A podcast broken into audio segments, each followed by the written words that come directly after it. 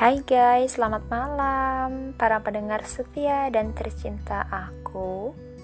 Oke, malam ini aku pengen bahas satu topik yang aku rasa para remaja akan suka dengar ini.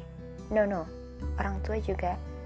Oke, I want to talk about uh, love. C I N T A. Before I continue, pengen tanya dong, Menurut kalian, apa sih cinta itu uh, bisa dimaknain ke dalam apa ya?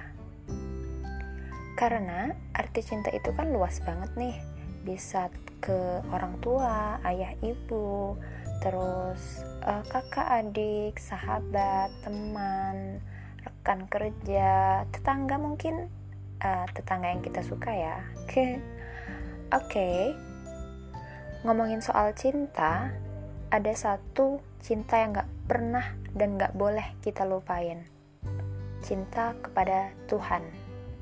So, cinta kepada pun, kepada siapa pun kita berikan, asal jangan lupa cinta kepada Tuhan. Oke, karena malam ini adalah malam tentang cinta, aku bakal kasih kalian sebuah quotes terbaik tentang cinta. Quotes itu dari Syekh Yasir Fazaga, dan aku yakin kalian pasti akan suka dengarnya. Oke, selamat mendengarkan.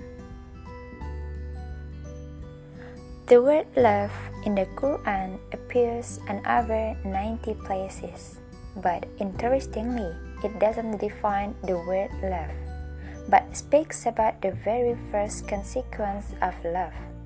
It is commitment. Islam talks about commitment.